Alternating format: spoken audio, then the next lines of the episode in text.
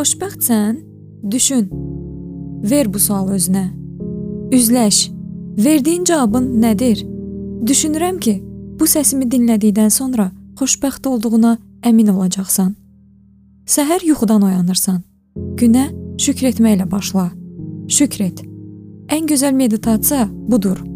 Bütün varlığınla hiss edərək yaşadığın, yarandığın, yaratdığın üçün, görən gözün, danışan dilin, gəzən ayağın olduğu üçün, axşam yatıb səhər oyana bildiyin üçün, həyatda olduğun üçün.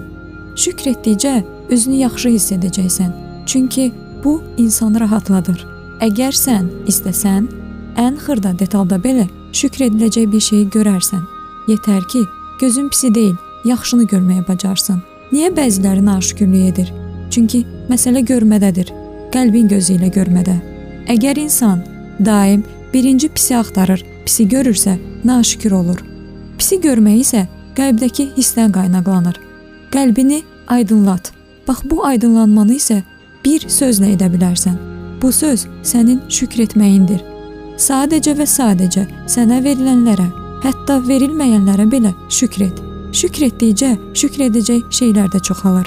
Ətrafını sev, gülümsə, yaxınlarına, ailənə bax. Əgər imkan varsa, onları qucaqla, sevdiyini de. Sevirsənsə de, utanma. Bunları mütləq et.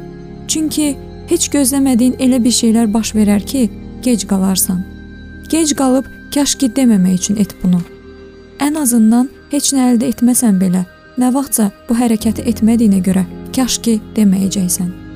Əziz dost, sənə kaş ki deməyəcəyin kaşkisiz bir həyat arzu edirəm.